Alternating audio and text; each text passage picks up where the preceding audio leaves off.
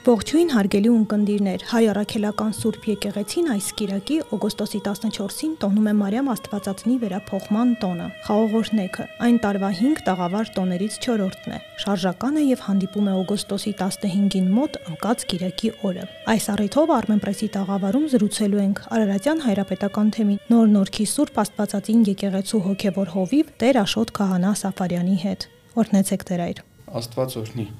Եվ այսպիսով Տիրամոր վերափոխման տոնը հայ առաքելական եկեղեցին տոնում է մեծ շուքով։ Այն Աստվածածնին նվիրված ամենահին տոնն է։ Աստվածածինը համարվում է բոլոր հավատացյալների բարեխոս Սուրբ Մայրը։ Տեր հայր, ասացեք մեզ տոնի խորուրդը, իմաստը։ Սուրբ Մարիամ Աստվածածնի երկինք վերափոխման տոնը հայ առաքելական եկեղեցու 5 գլխավոր տաղավար տոներից մեկն է եւ միևնույն ժամանակ Սուրբ Բույսին նվիրված 7 տոներից մեկը։ Սուրկույս Մարյամ Աստվածածինը իր միածին որդու խաչելությունից 12 տարի հետո շարունակեց ապրել երկրի վրա եւ այդ ընթացքում բազմաթիվ նեղություններ եւ հալածանքներ կրեց հрьяաներից, որովհետեւ երբ ուզում էր այցելեր իր միածնի շրջած վայրերը, երկրպագեր տերունական վայրերին, խոնարհվեր եւ աղոտ կաներ միշտ հрьяաները իրեն արգելք էին լինում եւ բազում հալածանքների ենթարկում նրան մարդածին ասելով փոխանակ ասելու Աստվածածին Եվ այս հալածանքներից ու նեղություններից հետո ի վերջո գալիս է մի օր, երբ Աստված իր Գաբրիել հրեշտակապետին է ուղարկում,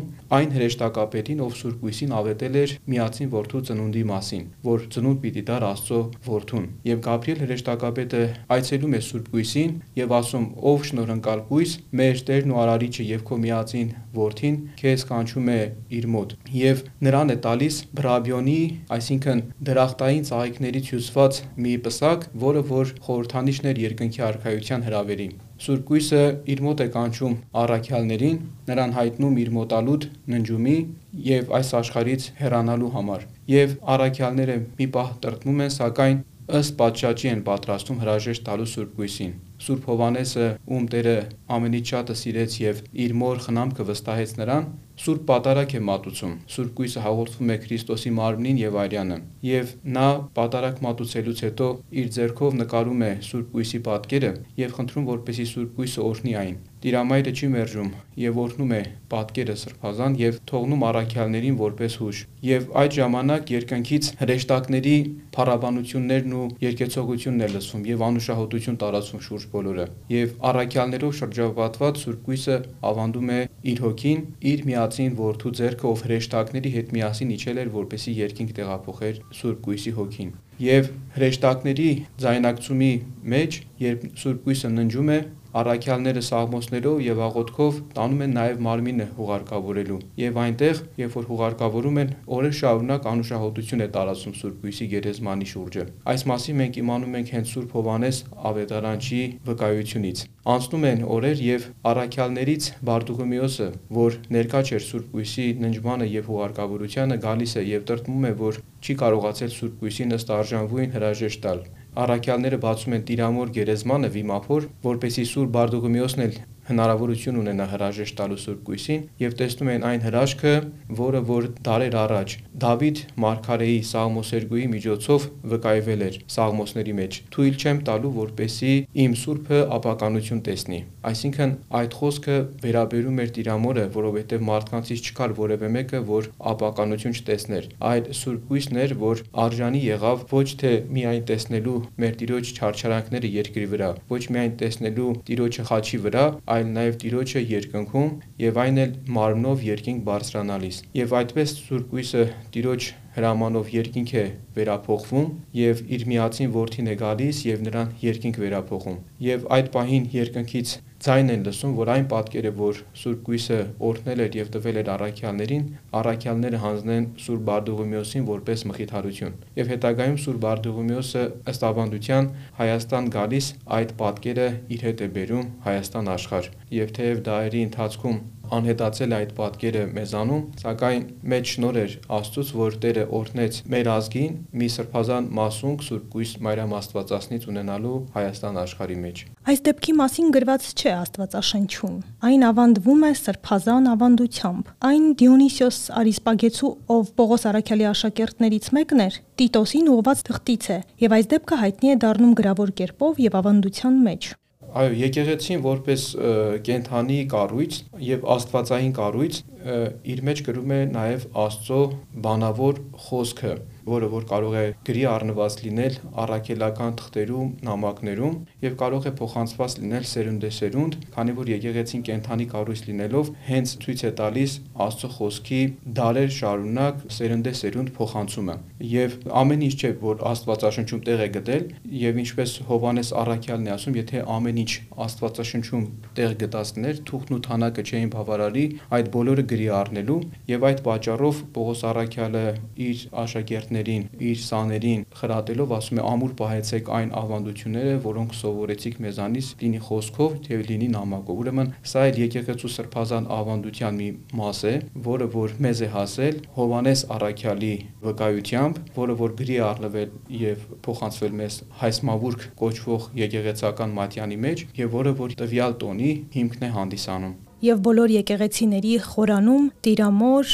Սուրբ պատկերն է Մանուկ Հիսուսը գրքին։ Սուրբ Մարիամ Աստվածածինը քրիստոնեական ընդհանրական եկեղեցու մեծագույն սուրբն է հանդիսանում եւ հայ առաքելական եկեղեցիների խորանները զարդարված են Տիրամոր պատկերով Մանուկ Հիսուսի հետ։ Սա ցույց է տալիս, որ Տիրամայրը միշտ ներկա է եկեղեցու կյանքում իր բարեխոսությամբ, որովհետև ամենամեծ բարեխոսը համարվում է Սուրբ Կույս Մարիամ Աստվածածինը։ Եվ եկեղեցին 7 տոներ հատկացնելով Սուրբ Մարիամ Աստվածածնին, այդ տոները ծառայել են արիտներ, որպեսի հավատավոր ժողովուրդը խնդրի Սուրբ Կույսի բարեխոսությունը։ Եթե հիշում ենք Կանայի հարսանիքի ժամանակ, երբ Տերը ջուրը գինի դարձրեց, այդ հրաշքը առաջին հրաշքն էր, որ Տերը կատարեց եւ Տերը սկզբում չէր էլ ցանկանում, որ այդ հրաշքը գործեր, բայց տեսնելով, որ մարդիկ գինի չունեն եւ հարսանիքը պիտի խափանվի եւ իրեն խնդրողը իր մայրն է, Տերը գործեց այդ հրաշքը, թե մարդկանց կարիքը գոհացնելու համար եւ թե իր մոր խնդրանքը չմերժելու համար։ Եվ սա ցույց է տալիս, որ նույնիսկ եթե Աստված մեր անարժանության պատճառով մեր խնդրանքը պետք է մերժի, Սուրբ Գույսի բարեխոսությունը շատ պատվավոր է եւ նպաստավոր, որպեսի մենք խնդրենք, որպեսի ինքը մեզ համար բարեխոսի իր միածնի մեր Տեր Հիսուս Քրիստոսի առջև։ Այո, բազում են այն աղոթքները, որոնք ուղղված են Մայր Սուրբ բարեխոսիր։ Եվ այդ օրն էլ եկեղեցում պատարակի ընթացքում հնչում են շարակ շարականները, որոնք տիրամորն են փառաբանում։ Այո, իմիջայլոց մեր շարականագիրները շատ գեղեցիկ պատկերներով, մակտիրներով եւ համեմատություններով են պատկերում Սուրբ Գույսին եւ այդ պատկերները վերցանելով մի ամբողջ աստվածաբանություն կարելի է ստանալ։ Օրինակ Սուրբ Գույսին եկեղեցին կոչում է ոսկե սափոր։ Ինչ է կոչում ոսկե սափոր, որովհետեւ հին ուխտի մեջ ոսկե սափորի մեջ էին գրում մանանան։ Իսկ Սուրբ Գույսը իր որովայնում գրեց Աստծո որդուն որպես կենթանի հաց։ Սուրբ Գույսին շարականագիրները կոչում են անգեզ մորենի մորենին, որը տեսավ Աբ รา համը, որը վառվում էր, բայց չէր այրվում, այդպես էլ Սուրբ Գույսը եղավ անկես մորենու նոր ուխտի պատկերը, որովհետև իր մեջ գրեց Աստվածային հուրը, Աստծո միածին որդուն, բայց ինքը մնաց անկիզելի։ Նոր ուխտի տապանակ է կոչվում Սուրբ Գույսը, որովհետև եթե հին ուխտի տապանակի մեջ պահվում էին Իսրայելի գլխավոր սրբությունները, Ահարոնի ցաղկած գավազանը, 10 պատվիրանները, մանանան, ապա Սուրբ Գույսն էլ իր մեջ գրեց Աստծո միածին որդուն, որպես մեր Տիրոջը եւ Փրկին։ Եվ այս գեղեցիկ համատություններով շատ տպավորիչ պատկերներ ենք քաղում շարականներից, որոնք իսկապես վեհացնում են Սուրբ Գույսի որպես մեծագույն Սուրբի պատկերը մեզանում։ Սա տաղավար տոնն է, Տիրամորը նվիրված եւ ամենահին տոնը, իսկ որոնք են մնացած 6 տոները։ Տիրամորը նվիրված տոներից։ Սուրբ Տիրամորը նվիրված տարին սկսում է նրա ավետման տոնով, որ ապրիլի 7-ին է տոնվում, անշարժ տոն է։ Նրա երկինք վերափոխվելու տոնը, նրա ծննդյան տոնը, տաճարին ընծայման տոնը, Սուրբ Աննայից հղացման տոնը, նրա զարթատուփի գտնվելու տոնը, նրա գոտու գտնվելու տոնը, սրանք Սուրբ Գույսին նվիրված մյուս տոներն են, որոնք տոնվում են տարվա ընթացքում, մի մասը շարժական, մի մասը անշարժ կերպով։ Շատ բարի։ Գալով տոնի անբաժանելի մասին, այդ օրը եկեղեցում մատուցվում է Սուրբ Պատարագ։ Հնչում են Տիրամորը փառաբանող շարականներ, եւ պատարագի վերջում կատարվում է խաղողոշնության կարգ քանի որ Հիսուս առավել համարեց խաղողի որդը, իրեն համեմատելով որդի հետ, եւ ասաց՝ «Ես եմ ճշմարիտ որդատունկը»։ Սուրբ Մարիամ Աստվածածնի երկինք վերափոխման տոնի օրը եկեղեցում կատարվում է խաղողի օրհնության կարգ, որովհետև Տեր Հիսուս Քրիստոս համարվում է անմահության պտուղը։ Տեսեք, երբ որ մարդը մեղ գործեց, խախտվեց ոչ միայն իր հարաբերությունը Աստծո հետ, նաև այդ մեղքի պատճառով անիծվեց այն բնությունը, որի վրա մարդը կարգված էր Տեր եւ Իշխան։ Այսինքն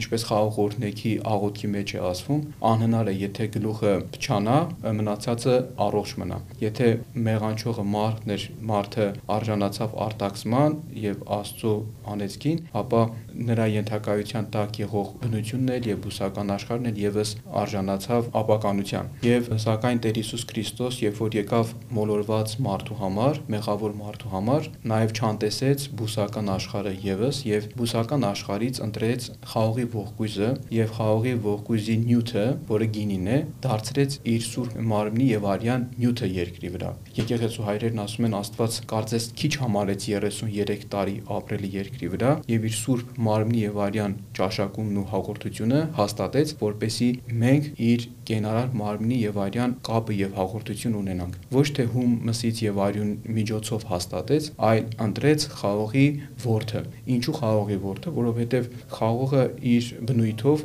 ամենաթույլ, ամենաճկվող, ամենափխրուն եւ միևնույն ժամանակ ամենաանուշ պտուղն է, եւ եթե նկատում ենք Աստված մի շնոր է տալիս ամենափոքր, ամենաաննշան մարդկանց կամ վայրերին, օրինակ Սուրբ Գույսին ընտրեց որպես իր իր միածին որդու մայրը, Բեթլեհեմը, որ աննշան քաղաք էր, ընտրեց իր ծննդավայրը։ Եվ ճիշտ այդպես էլ խաղողը, որ բույսերի մեջ ամենատկարն էր, ընտրեց իր Սուրբ Մարմնի եւ Արյան նյութը, որից պատրաստված անաբական գինին պետք է դառնար պատարակի ժամանակ եւ փոխակերպեր իր գենարար Արյանը, որից ճաշակողը պետք է ճաշակեր Քրիստոսին եւ ինքը իրեն համեմատեց Տեր իրեն համեմատեց ճշմարիտ որդաթունկի հետ։ Ասաց ես եմ ճշմարիտ որդաթունկը, իսկ իմ հայրը մշակն է։ Նա ով պտուղ է տալիս, նրան ետում է հայրը, որպեսի ավելի լավ պատխաբեր լինի, իսկ նա որ պտուղ չի տալիս, նրան կտրում եւ դեն են նետում։ Եվ այդպես քրիստոնյաներիս համար շատ կարեւոր է, որ մենք պատվաստված լինենք Քրիստոսի վրա, որպես որդատունքի մասն ու բաժինն ունենանք, որովհետեւ ճշմարիտ քրիստոնեությունը